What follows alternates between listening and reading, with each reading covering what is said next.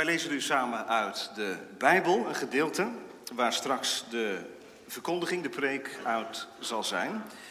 Dat is het Evangelie naar Johannes, het eerste hoofdstuk. We lezen vanaf vers 35 tot en met 43. Johannes 1, vers 35 tot en met 43. Er is één evangelie, maar er zijn vier auteurs. Matthäus, Marcus, Lucas, Johannes. Johannes is de vierde evangelist. En hij begint zijn evangelie op een heel andere manier dan de andere evangelisten. Hij begint heel hoog, heel verheven. De eerste 14, 18 versen. En dan zijn we ineens bij de Jordaan en maken we kennis met Johannes de Doper. Hij is de wegbereider, de voorbereider voor de Heer Jezus. Hij preekt. En dan komen we opnieuw tegen in vers 35. De volgende dag stond Johannes daar weer met twee van zijn discipelen. En toen hij Jezus zag lopen, zei hij: Zie, het Lam van God. En de twee discipelen hoorden hem dat zeggen en zij volgden Jezus. En toen Jezus zich omkeerde en zag dat zij volgden, zei hij tegen hen: Wat zoekt u? En zij zeiden tegen hem: Rabbi, wat vertaald wil zeggen meester, waar woont u? Hij zei tegen hen: Kom en zie. Zij kwamen en zagen waar hij woonde en bleven die dag bij hem. En het was ongeveer het tiende uur. Andreas, de broer van Simon Petrus, was een van de twee die het van Johannes gehoord hadden en hem gevolgd waren. Deze vond als eerste zijn eigen broer Simon en zei tegen hem: Wij hebben de Messias gevonden, wat vertaald wordt als de Christus. En hij leidde hem tot Jezus. Jezus keek hem aan en zei: U bent Simon, de zoon van Jona. U zult Kefas genoemd worden, wat vertaald wordt met Petrus. Tot zover de lezing uit het woord van God. Maar wat betekent dit nu allemaal? Dat horen we straks. En vanmiddag wil ik vooral vers 38 tot en met 40 centraal stellen. Vers 38 tot en met 40. Toen Jezus zich omkeerde en zag dat zij volgden, zei hij tegen hen: Wat zoekt u? En zij zeiden tegen hem, Rabbi, wat vertaald wil zeggen meester, waar woont u? Hij zei tegen hen, kom en zie.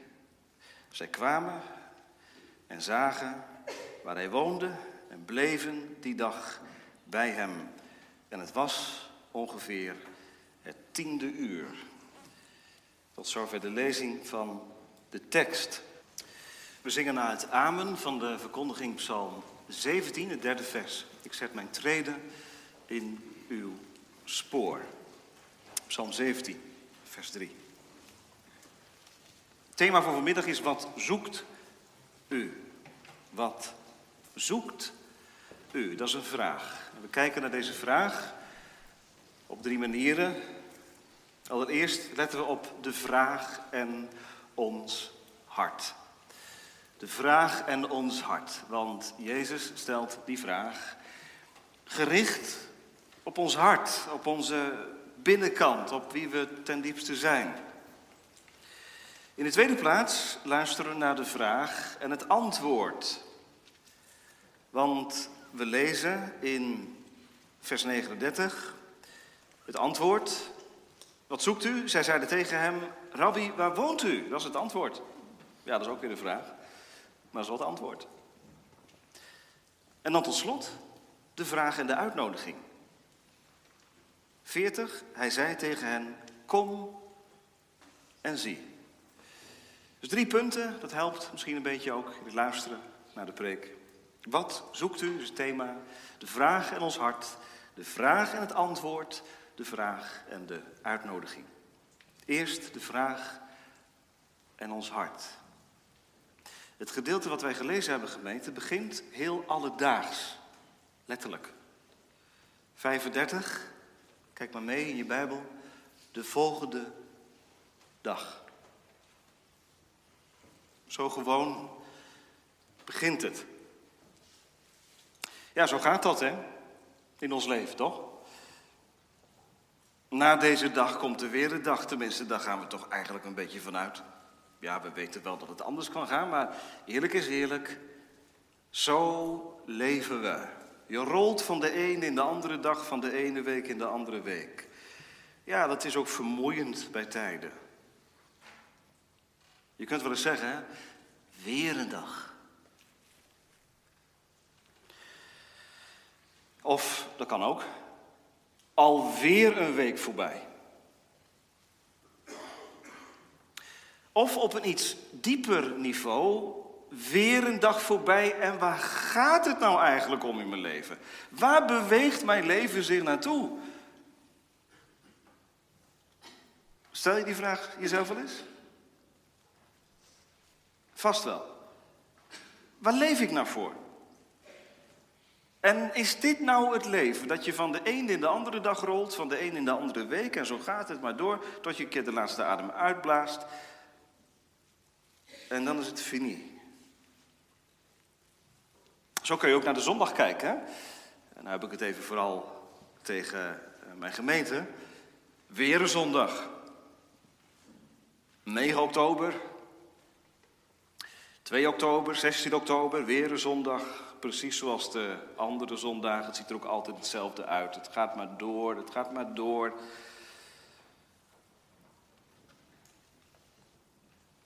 De volgende dag. Waarom leg ik daar nadruk op? Omdat de volgende dag, vers 35, nu net een dag was, werd anders dan alle andere dagen. Hoe zagen de dagen er toen uit? Nou, dat weten we. Want die aanwijzing van Johannes, de volgende dag, die prikkelt ons om even terug te lezen. Oh ja, wat was er dan gisteren aan de hand? En daarvoor? Wat gebeurde er toen? Nou, ik neem u even mee naar de Jordaan. Misschien ben je er wel geweest, sommigen van ons komen er net vandaan. De Jordaan, de oever van de Jordaan. Wie staat daar? Een hele merkwaardige man. Tenminste, hij ziet er heel merkwaardig uit. Aparte kleding, een stem als een bazuin. En hij trekt volk. Het is echt een publiekstrekker. Er komen heel veel mensen naar hem toe. Waar luisteren ze dan naar? Ze horen een boodschap van boete en bekering. Bekeert u, want het koninkrijk van God is nabijgekomen. Nou, dat is een stevige boodschap. En toch trekt hij mensen. Ja, zo gaat het ook vandaag. Hè? Mensen met stevige boodschappen, die, ja, die trekken ook in de politiek, hè? die trekken best heel veel volgers. Nou, toen ook al. Weet je wat nou zo apart is? De mannen en de vrouwen van vandaag, die in de schijnwerpen staan en die een dwarse boodschap laten horen, of een prikkelende boodschap, ja, die genieten ervan, van de aandacht. En die en die glimmen als er honderden, duizenden mensen komen in een theater of waar dan ook. Ze mogen hun boodschap vertellen en, en het publiek juicht en joelt. En ze genieten. Maar dat is het aparte van deze man, dat doet hij nou net niet. Ze komen allemaal naar hem toe, maar weet je wat, ze, wat hij tegen ze zegt? Jullie komen wel voor mij, maar jullie moeten naar hem. En wie is dan die hem? Nou, er is nog een persoon die op de oever van de Jordaan zich ophoudt. Dat is niet Johannes, dat is Jezus. Dat zijn de twee hoofdfiguren in Johannes 1. En weet je hoe Jezus genoemd wordt? Nou, dan moet u maar even kijken naar die glas- in loodramen achter mij. Dan ziet u middenin, tweede raam, een lam. Een lam dat bloedt bloed uit de hals. Johannes zegt, kijk, daar wandelt hij. Nee, dat zegt hij niet. Zie, het lam van God dat de zonde van de wereld wegneemt. Dat is de boodschap die Johannes heeft. De boodschap van bekering en de boodschap van zien op Jezus. En wat is nou de bedoeling? Die mensen kwamen voor Johannes, maar ze moeten met Jezus naar huis toe. Dat is de drive van deze spreker, Johannes. En zo gaat het, dag in, dag uit. Dag in, dag uit. Johannes is daar en dan is Jezus er weer. En dan zegt Johannes, kijk, daar is hij. Zo is het ook de volgende dag gegaan. Weer een dag, vers 35. Kijk, daar staat Johannes. Zie je hem staan? Op de oever van de Jordaan? Ja, er staan nog twee mensen bij. Twee discipelen lees ik. Twee discipelen. Twee volgers. Maar ja, Johannes wil eigenlijk van ze af. Dat is een beetje onaardig gezegd, maar dat is eigenlijk wel zijn bedoeling. Ze moeten niet bij hem blijven, ze moeten naar Jezus toe. Wie zijn trouwens die twee discipelen? Dat kunnen wij weten. In vers 41 verderop lezen wij wie de discipelen zijn geweest. Andreas, dat is de een, de broer van Simon Petrus. En die andere, ja, die wordt niet met name genoemd, maar dat is Johannes. De bescheidenheid zelf.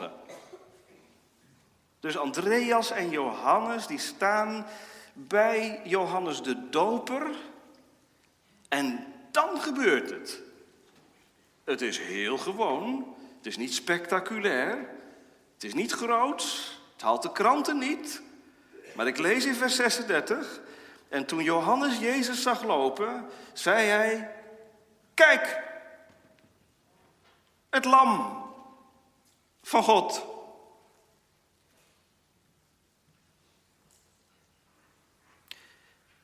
Jezus loopt, lezen wij in vers 36. Het Griekse woord mag je ook omschrijven met hij houdt zich op.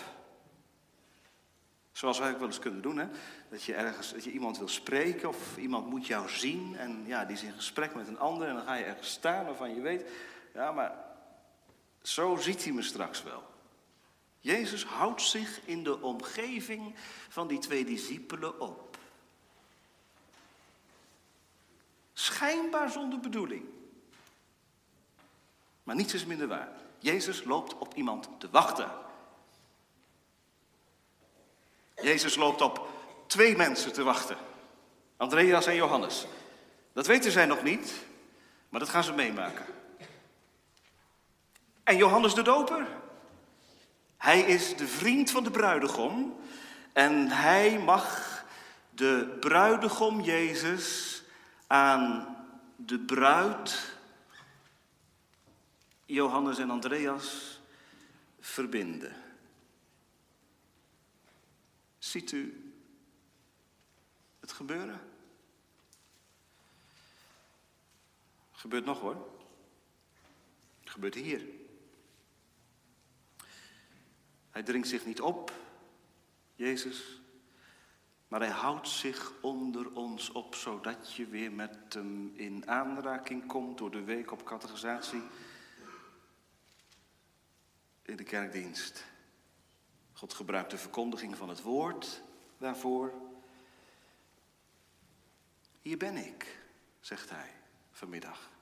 Hier ben ik. Ik laat mij vinden. Hier ben ik. En de preek van vanmiddag is als het ware een, een vingerwijzing naar Jezus. Daar moet je zijn. Het lam van God. Ik kom straks nog even op die uitdrukking terug, wat dat dan betekent. Ja, wat zo opvallend is, gemeente, vind ik, is het onopvallende. Want als je nou denkt, nou dan gebeurt er iets spectaculairs, hè, als als Johannes Jezus aanwijst als het lam van God, nou dan zal er wel iets gebeuren. Nou, ik lees in vers 37 iets, iets weer, iets heel gewoons. En de twee discipelen hoorden hem dat zeggen en zij volgden Jezus. Ze lopen over van Johannes naar Jezus. We, lezen niet waarom ze dat doen. Het gebeurt. Het vindt plaats. Dat is genoeg. Hoe is het nou begonnen in je leven? Hoe begon het nou te geloven? Hoe werd van binnen de belangstelling voor het evangelie gewekt? Hoe kwam het dat in jouw leven, dat in uw leven, die religie die als een schil om je heen zit en waar je je misschien heel behagelijk voelde, dat dat niet meer genoeg voor je was? Hoe komt het dat je behoefte kreeg aan een levende band, een levende relatie met de Heer Jezus? Nou, dat kan om allerlei redenen zijn. Ik lees in mijn Bijbel heel veel verschillende redenen waarom er aantrekkingskracht van de Heer Jezus komt. Ik denk aan Zacchaeus, hij was nieuwsgierig. Hij wilde Jezus wel eens zien. Nou, zo kan het vanmiddag ook zijn. Je bent meegegaan, je bent. Ja, goed. Prima, ik kom een keer mee. Eens kijken. Wat jullie daar beleven. En dan gebeurt het. Jezus houdt zich onder ons op. En er gaat aantrekkingskracht van hem uit. Hoe dan? Nou, dat is het volgende opmerkelijke. Jezus laat het niet gebeuren. U ziet in vers 38 dat Jezus zich omkeert. Hè? Hij krijgt door dat twee discipelen van Johannes hem gaan volgen. Ze lopen hem achterna. En Jezus keert zich om. Hij laat het niet plaatsvinden.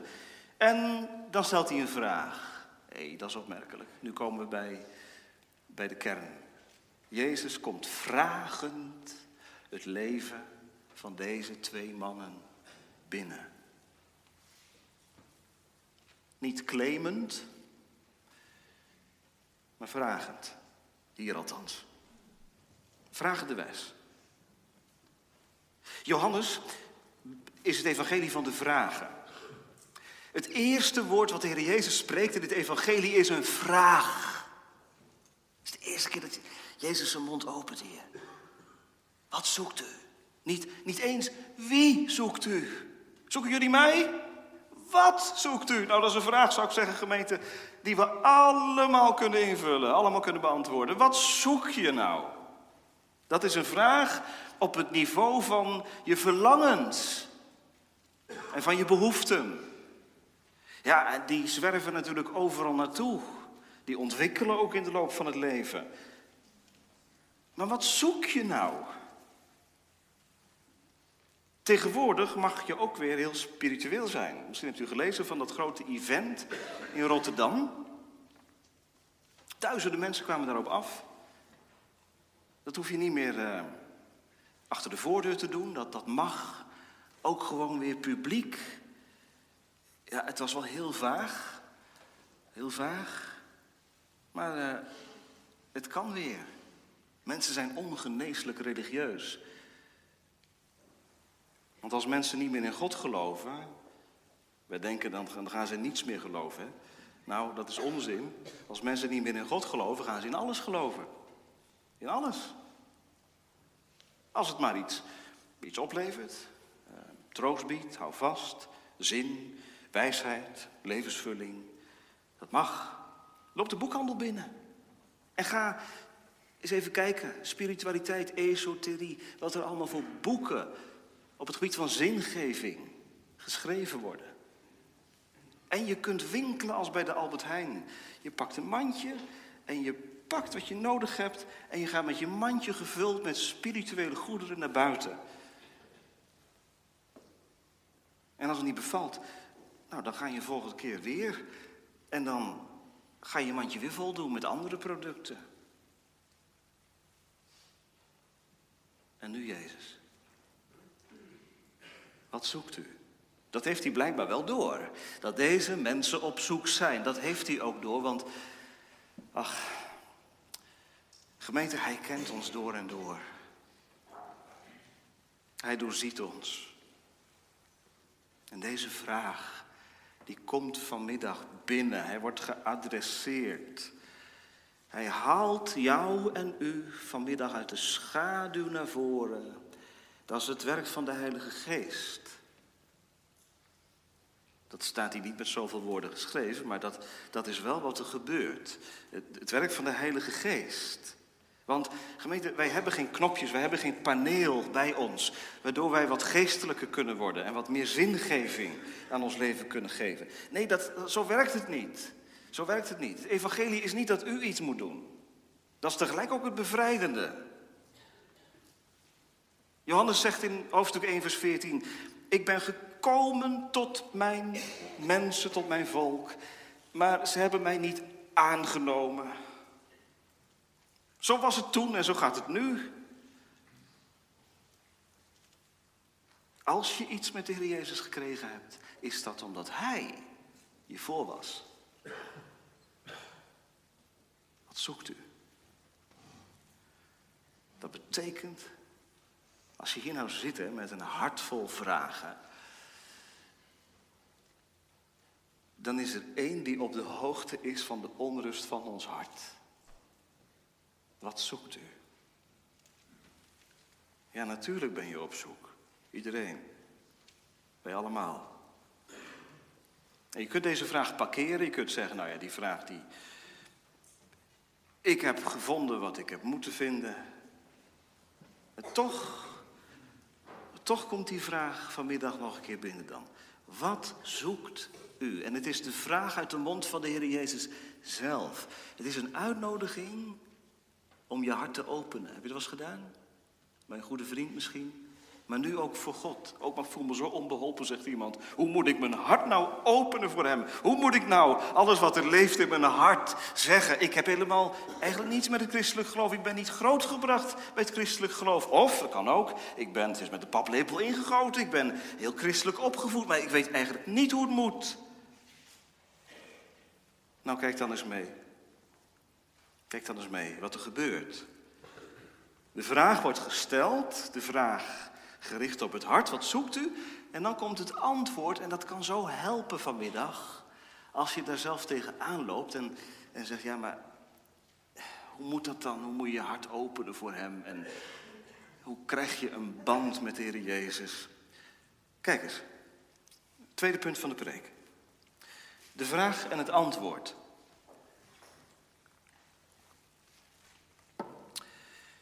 Ze zeiden tegen hem, Rabbi, dat betekent meester, waar woont u? Nou, is dat nou een antwoord?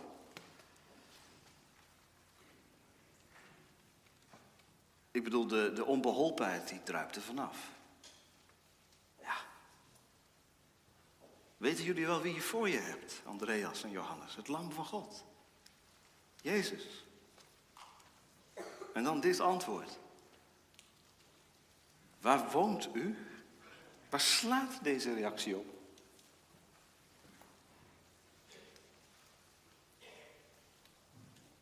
Kan het niet wat um, concreter, persoonlijker, geestelijker? Ja, zo kun je er tegenaan kijken. Dan denk je van, nou, is dit het nou? Is dat nou de reactie die de Jezus verwacht?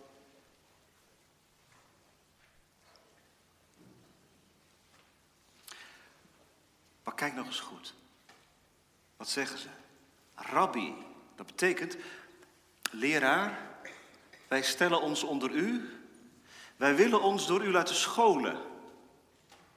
U mag ons vormen, u mag ons onderwijzen. Vertel ons de weg die we moeten gaan. Vertel ons wat is de waarheid. Eigenlijk nodigen ze zichzelf uit in de kring van de rabbi. Ziet u dat? Rabbi, waar woont u? Mogen we met u mee naar uw huis waar u logeert, waar u onderdak heeft? En mogen we dan vernemen van u wat dat dan is? Lam van God zijn? Wat dat dan is? Zonde van de wereld wegnemen? Ze nodigen, ze nodigen zichzelf uit. Waar woont u? Nou ja, is het onbeleefd, hè? Om zo wie eerste antwoord te geven. Maar ze spreken zich wel uit. Deden we dat maar meer, gemeente? Deden we dat maar meer? Richting de Heer Jezus. Zo recht uit het hart. Waar woont u? En als je nou dat, dat antwoord van deze mensen helemaal aftelt, de kern overhoudt, dan mag je zeggen, deze mensen die willen luisteren, die willen horen. Ze vertrouwen zich aan de Heer Jezus toe. En hij mag het zeggen. Gemeente, gasten, wat zoekt u? Zoekt u de zoveelste wijsheidsleraar die u tien tips geeft om gelukkiger te leven?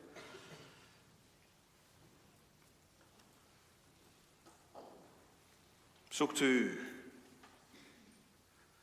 een theorie die je intellectueel helemaal overtuigt, waarvan alle argumenten als,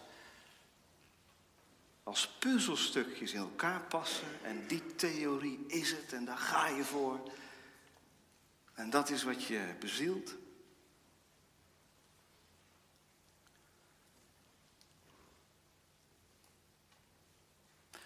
Of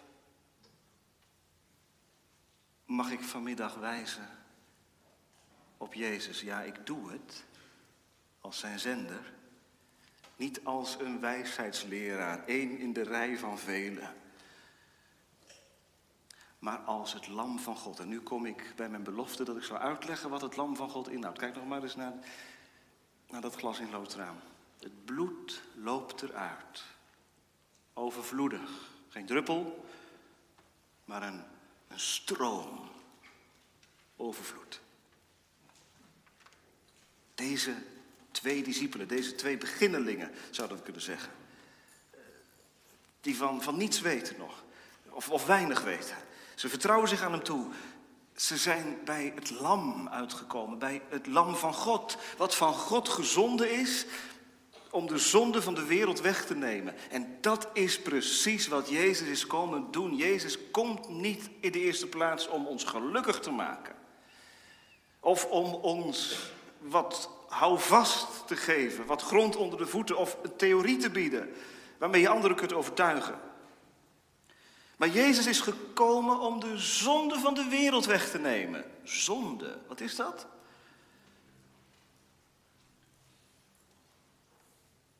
Dat zijn de verkeerde dingen en dat is de verkeerde aard, zoals ik ter wereld gekomen ben, waardoor ik Jezus niet nodig heb. Waardoor ik het lam van God afwijs. Waardoor ik helemaal gefocust raak op het leven hier en nu. Want het lam van God, alleen het lam van God, kan mij begeleiden straks over de doodsjordaan heen naar het eeuwige leven. Het lam van God is gekomen, is gegeven om mijn zonde weg te nemen.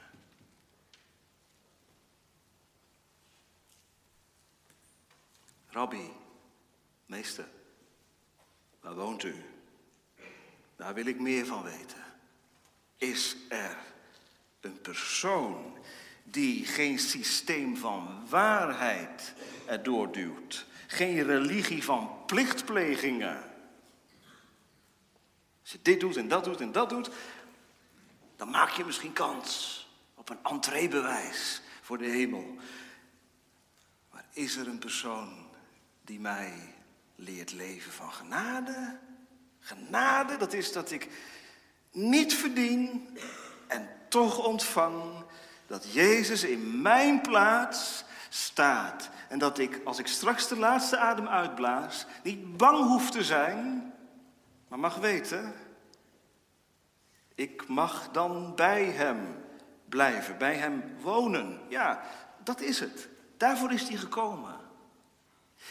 Ze hebben het zelf niet door, denk ik. Maar dat woordje wonen, dat is natuurlijk een heel apart woord in Johannes.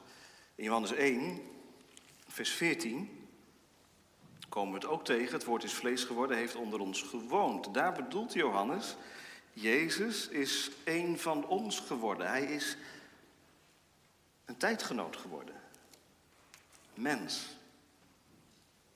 Zo mens dat hij geleden heeft aan het leven, maar dat hij ook de zonde en de gebrokenheid van de zonde, de gevolgen van de zonde, op zich heeft genomen toen hij aan het kruis het uitriep. Het is volbracht.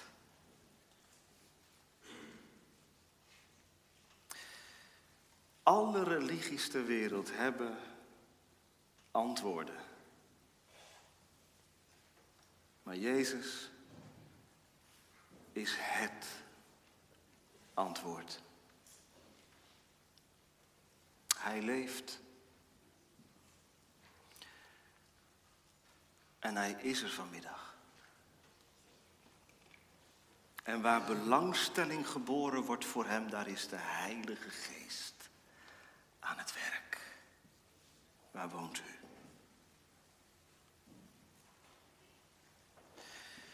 Ja, zegt iemand, dat is allemaal mooi, maar dit is wel een geschiedenis van 2000 jaar geleden. Wij leven in de 21ste eeuw. Jezus is nergens te vinden. Dus ja, mooi hoor om naar te luisteren, maar wat heb je eraan? De vraag en de uitnodiging, laatste gedachte. De vraag en de uitnodiging. En dan hoop ik die vraag te beantwoorden. Wat heb je er nou aan? Wat zegt Jezus? Dat is zo mooi, dat is zo genadig van hem. Dat onbeholpen antwoord van die twee discipelen, dat neemt Jezus niet op de korrel, dat gaat hij niet analyseren. Klopt dat nou wel? Mag dat nou wel? Is dat niet te vrijpostig? Zouden jullie niet wat moeten inbinden? Nee, daar ben ik voor gekomen. Jullie mogen in mijn aanwezigheid komen. Ik ben het lam van God. Ik ben niet een monster waar je op afstand moet blijven, maar een lam waar je naartoe mag vluchten. Waar woont u? Hij zei tegen hen, kom. Wat een uitnodiging, hè? En zie. Kom en zie. Bij de Heer Jezus geen selectieprocedure. U wel, u niet. Jij wel, jij niet. Kom en zie. Wat een antwoord. Wat een ontferming. Zo is Jezus. De goede herder, die zijn schapen kent en die het verlorene zoekt. En die mensen die tot hem vluchten niet wegstuurt. Kom allen tot mij, zal hij laten zeggen, die vermoeid en belast bent. En ik zal u rust geven. Kom en zie. Nou, zo is het gegaan, hè? Kom en zie, letterlijk, voor hen. Ze zijn gevolgd, ze kwamen, lees ik, en ze zagen waar hij woonde en bleven die dag bij hem. De focus van de tekst ligt op het zien. Ze zagen waar hij woonde. Maar vergeet u niet, de oren deden ook mee hoor. Want, Rabbi, waar woont u? Dat betekent, wij gaan zitten en we gaan luisteren. Ja, en zij mochten ook zien, dat is waar. Maar het gehoor was toch doorslaggevend, ook toen al hoor. Zeg niet, ja, 2000 jaar geleden was het allemaal veel makkelijker, want dan kon je zo bij de Heer Jezus binnenlopen. Kom en zie. Misschien mag het omdraaien vanmiddag. Wij kunnen niet meer bij Jezus komen. Tenminste, niet meer zo letterlijk als die mensen toen. Maar nu wil Jezus intrek nemen in ons leven. Hij wil onder mijn dak komen. Hij wil in mijn huis komen.